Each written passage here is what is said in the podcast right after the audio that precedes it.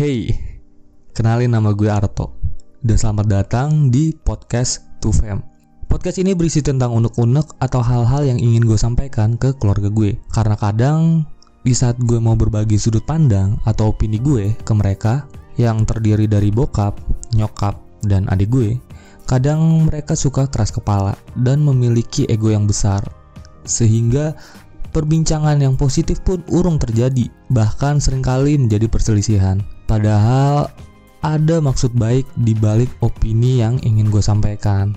Oleh karena itu, gue bikin deh podcast ini.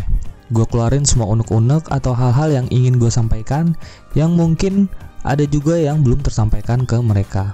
Walaupun gue nggak menginfokan podcast ini sekarang nih ke mereka, tetapi gue berharap semesta membantu gue menyampaikan podcast ini ke mereka, entah bagaimana caranya.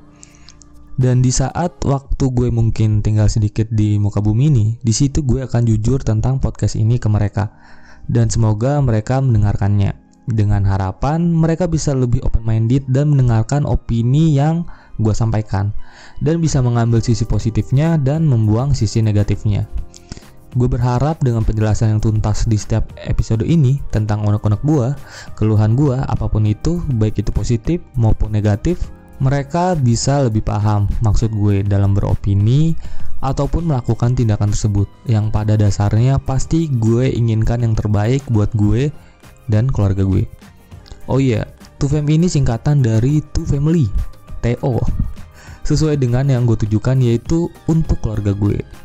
Tapi kok tunya ini di nama judulnya malah pakai angka 2 ya. Ya biar klop aja karena gue coba pakai tulisan fam yang TO itu tuh kayaknya kurang anjay. Jadi gue anggap aja tuh itu dengan kode 2 karena pengucapannya kan sama-sama juga tuh. Kalau dalam bahasa Inggris baik angka 2 atau untuk. Dan bisa juga kita anggap fam itu sesuai judulnya yaitu dua family. Keluarga kandung gue yaitu family pertama gue dan kalian yang mendengarkan podcast ini sebagai keluarga kedua gue ambil positifnya dan buang negatifnya.